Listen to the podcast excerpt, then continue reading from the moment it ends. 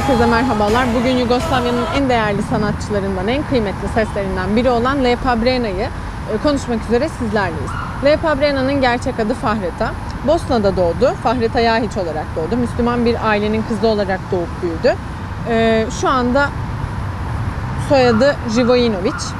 E, tenisçisiyle Yugoslavya'nın ilk tenisçilerinden biri olan e, Slobodan Bobic Živojinović ile evli. Üç çocuğu var şu anda. E, kariyerine geldiği kısma kadar ve e, çocukluğuna kadar o süreçte yaşadıkları vesaire olarak konuşacak olursak şöyle başlayabiliriz. İlkokulda aslında e, daha ilkokula başlamadan hatta müziğe olan ilgisini keşfediyor. Şarkı söylemeye başlıyor. Etrafındaki insanları, ailesini, sevdiklerini etrafına toplayıp şarkı söyleyerek bu yönüyle tanışmış oluyor. Daha sonra okula başladıktan sonra basketbola olan bir yeteneği de var tabii ki onun. Sporla ilgilendiği bir e, dönem var çocukluğunda. Ve e, basketbolda aslında profesyonelleşmek adına bir takım adımlar atılıyor. Hem koçları onu buna yönlendiriyor, ailesi yönlendiriyor, kendi de başarılı zaten bu konuda ama e, gerçek istediği şeyin müzik olduğunu görüyor. Interplate adında bir kulüpte profesyonel olarak oynamaya başlıyor. Oradaki koçu Vlada Bayer kendisine Brena adını veriyor.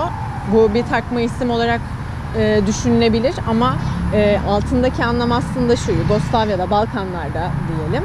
E, Brena aslında uzun bacaklı güzel kadınlara, güzel bacakları olan e, kadınlara söylenir.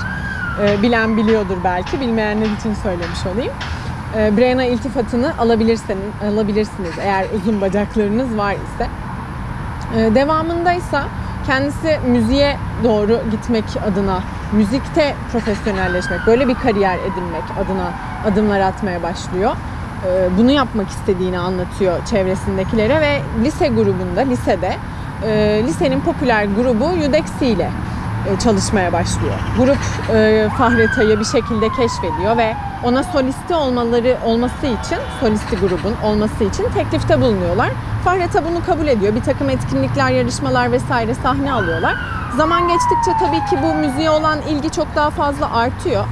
E, kentte bir şekilde popüler oluyor vesaire ama gel gelelim üniversite dönemine geçiyoruz.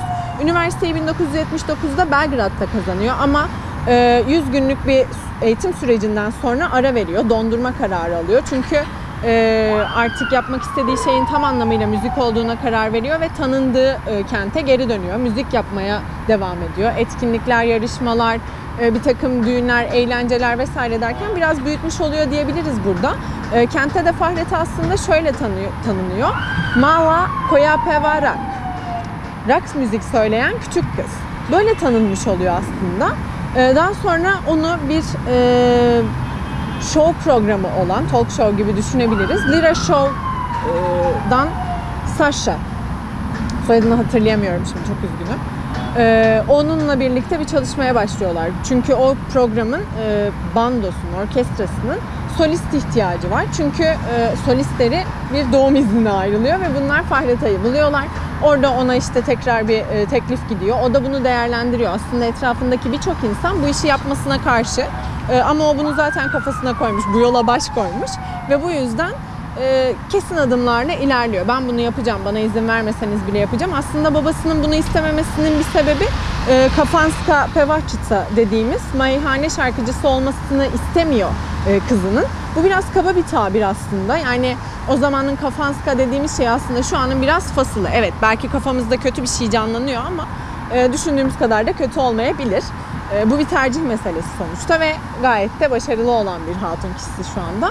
Etrafındaki diğer insanların eleştirdiği yönü ise folk müziğe yönelmesi. Çünkü programın böyle bir e, yönlendiği bir müzik dalı var aslında. Rock'tan ziyade e, geleneksel işte folk müzik dediğimiz tarafa yöneliyor. Fahrete kendini bu anlamda da çok geliştiriyor. Bir menajerle çalışıyor. Bu menajer onu e, çok ünlü bir besteciyle tanıştırıyor. Miluti e, Zoharo adı bestecinin ve onunla birlikte çalışmalarını çok hızlandırıyorlar. E, böylece Fahreta'nın yıldızı daha çok parlamaya başlıyor.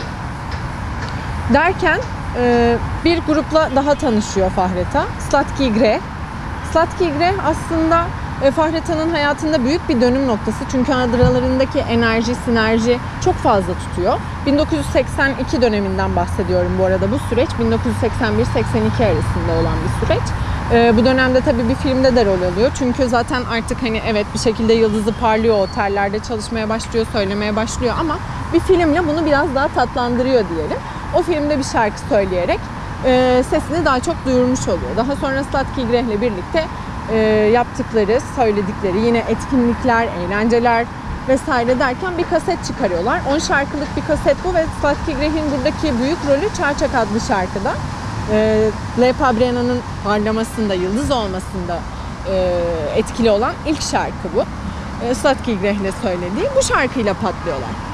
Grubun bu sinerjisi, tutan bu sinerjisi e, çok fazla insanlar tarafından da beğenilince 1987 yılına gelindiğinde Le Pabrena ve Slatki zaten o döneme kadar 5 yıllık 4-5 yıllık süre içinde her çıkardıkları şarkı, çıkardıkları kaset çok fazla satarken o dönemde diyorlar ki biz bir film yapalım.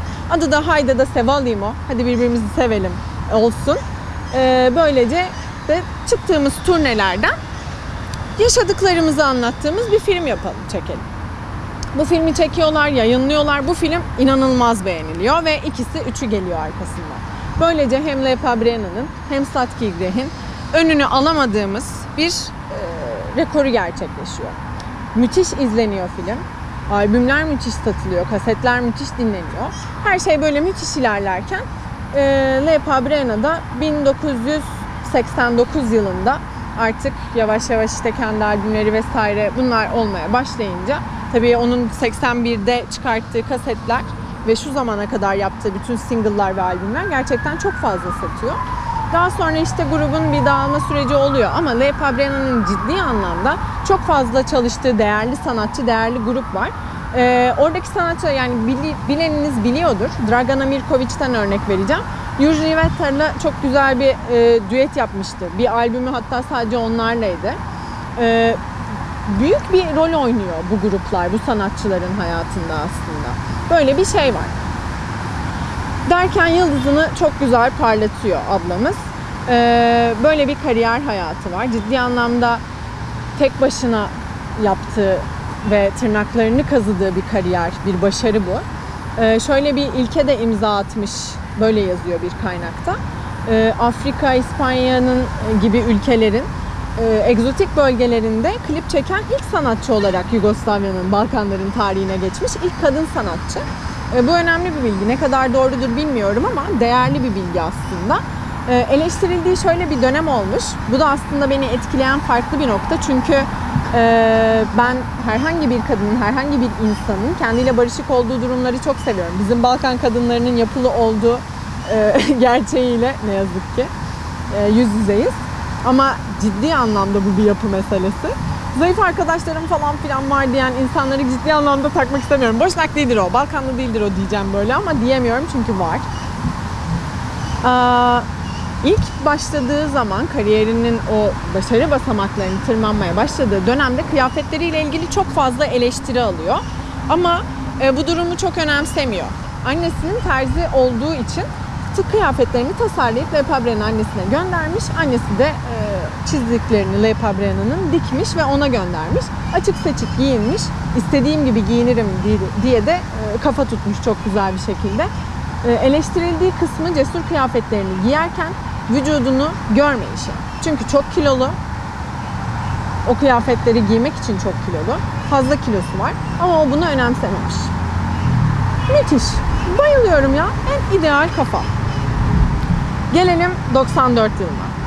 Hepimizin çok sevdiği şarkı Yugoslavenka. Tüm Yugoslavenkaların özellikle benim aşık olduğum bir şarkı. Le Pabrena'nın en sevdiğim şarkısı ve 94'te gerçekten en çok satılmış albümü, en çok dinlenmiş şarkısı 94 yılının. Ee, Yugoslavenka'nın bende biraz ayrı bir yeri var. Çünkü ciddi anlamda çok fazla e, duygusal bağ kuruyorum o şarkıyla. Ve ciddi anlamda Yugoslav kadınlarını tanımlıyor oluşu. Evet fiziken çok önemli bir şey değil belki aslında ama insanın kafasında böyle bir sürü şey canlanıyor ya. Öyle bir şey kuruyorum, öyle bir şey oluşturuyorum ve o yüzden çok farklı bir yer veriyorum. Özellikle temizlik yaparken Ochisto mi more adransko diye giriyorum böyle. Müthiş bir ses tonuyla bastır bastır bastır söylüyorum şarkıyı. Çünkü gerçekten çok iyi geliyor. Müzik ruhun gıdasıdır kısmından ziyade Yugoslovenka müziğin gıdasıdır kısmına gideceğim. Ee, aynı dönemde Robinja şarkısı da var o albümde. O albümdeki o şarkı da Robinja şarkısı da çok fazla dinlenen bir şarkıdır bu arada. Benim sevdiğim ilk üç şarkısı hatta o yüzden Lepa Brena'nın Yugoslovenka, Robinja ve Ti Moj Gre. Bayılıyorum. Derken Lepa Brena'yı size bu şekilde aktarmış oldum. Ve sizleri Oči su mi more Jadransko diyerek öpüyorum ve selamlıyorum. Kendinize çok iyi bakın.